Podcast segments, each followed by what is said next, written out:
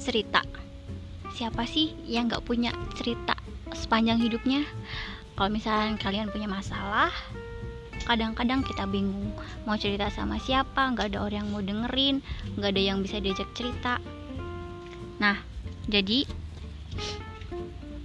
sekarang ini supaya kalian bisa ada kawan buat bercerita aku Novia bakal nemenin kalian di podcast cerita kita. Jadi di sini kita bakal saling bercerita satu sama lain ya, meskipun aku yakin sih yang cerita cuma aku doang dan kalian cuma jadi pendengar setia. Tapi kalian boleh DM aku di Instagram aku, oke? Okay? Jangan ke mana-mana, tetap stay tune di cerita kita.